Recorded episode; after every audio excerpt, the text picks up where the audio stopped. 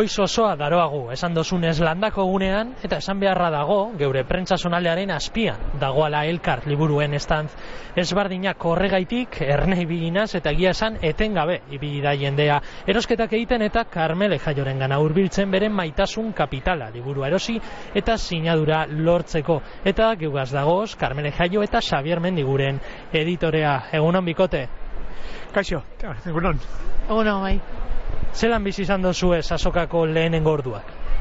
Ba, intensidade handiz, ez da? Jente asko dabil, giro ona, kanpoan be guzkitzu, eta jentea gustora, gogotsu, eta, bueno, erosten be bai, eta Carmele, ba, sin, berak esango digu.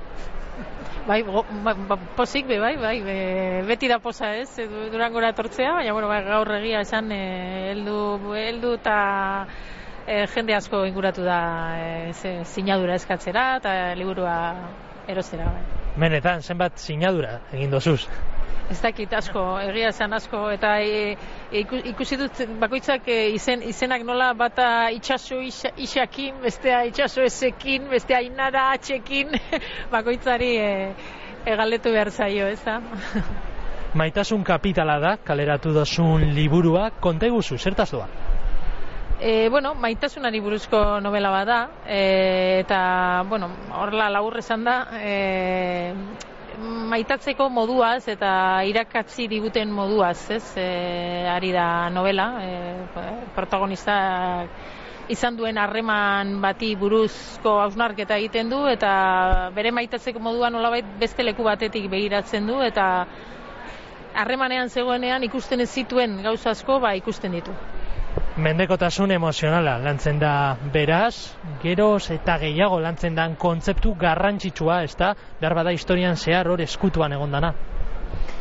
Bueno, eh, maitatzeko modua bera e, ba, ba ezbaian jartzea da, da kontua, ez? Batzutan e, irakasten dizute horrela maitatu behar duzula eta horrela dela e, onartu eta aurrera egiten duzu, ez? Eta, bueno, ba, ba, liburu honetan bai hori hori egiten da, nola e, maitasunak e, zentralidade handia hartzen duen bereziki emakumeen e, bizitzetan, horrela irakatzi digutelako, horrela izan behar duela, eta maitasuraren izenean ba, zenbat e, gauza onartzenera heldu gaitezkeen, ez? Liburu bat idazterako orduan, zein da jarraitzen dozun prozesua?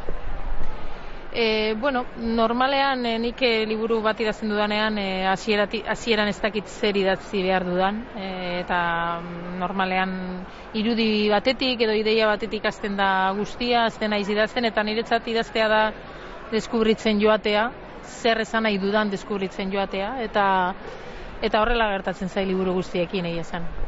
Sabi, editorearen ikuspuntutik, zein izan da zeure papera, kasu honetan, zelan ibilizaria elkarlanean? Bueno, normalen idaz, e, idazlea da protagonista eta idazlea egin behar du lana, ezta? Eta editoreak apur bat, ba, aholkulari lana egiten dio, ba, idazleak galdetzen bali dio, ba, bueno, ba, ez dakit, trabatuta nago hemen edo zalantza daukat honekin edo ba bueno ba busaiatzen gara dakigun neurrian ba aholkurik onena ematen. Eta gero ba testua amaitu xamar dagoenean ba egiten dugu ba orraztu ezta? Ta batetik dia ba euskaltzaindiaren tontakeriak ba bueno tontakeria markatu txikikeriak. E, ba idazleak zertan ezagutu ez daukanak baina bueno baino editoreak bai ezta? Eta bueno ba hoien araberako ba orraztu aldi bat izaten da eta bueno, batzutan ba, bestelako aholkuak edo egoten dira, ezta? Baina, bueno, beti ere, jakinda ba, idazlea dela protagonista eta guk egin behar digula ba, testuari lagundu ba, pulitzen esan dezagun ez da, gelditu dadin e, hori, nikelau esaten dena Bueno, Xavier eh, editore eta idazle bezala dago berton, oso latza izan da bere azken eh, liburuarekin baita ere, hori izan behar dago. Eta elkarren estandean, zeintzuk dira, topau aldoguzan obrak?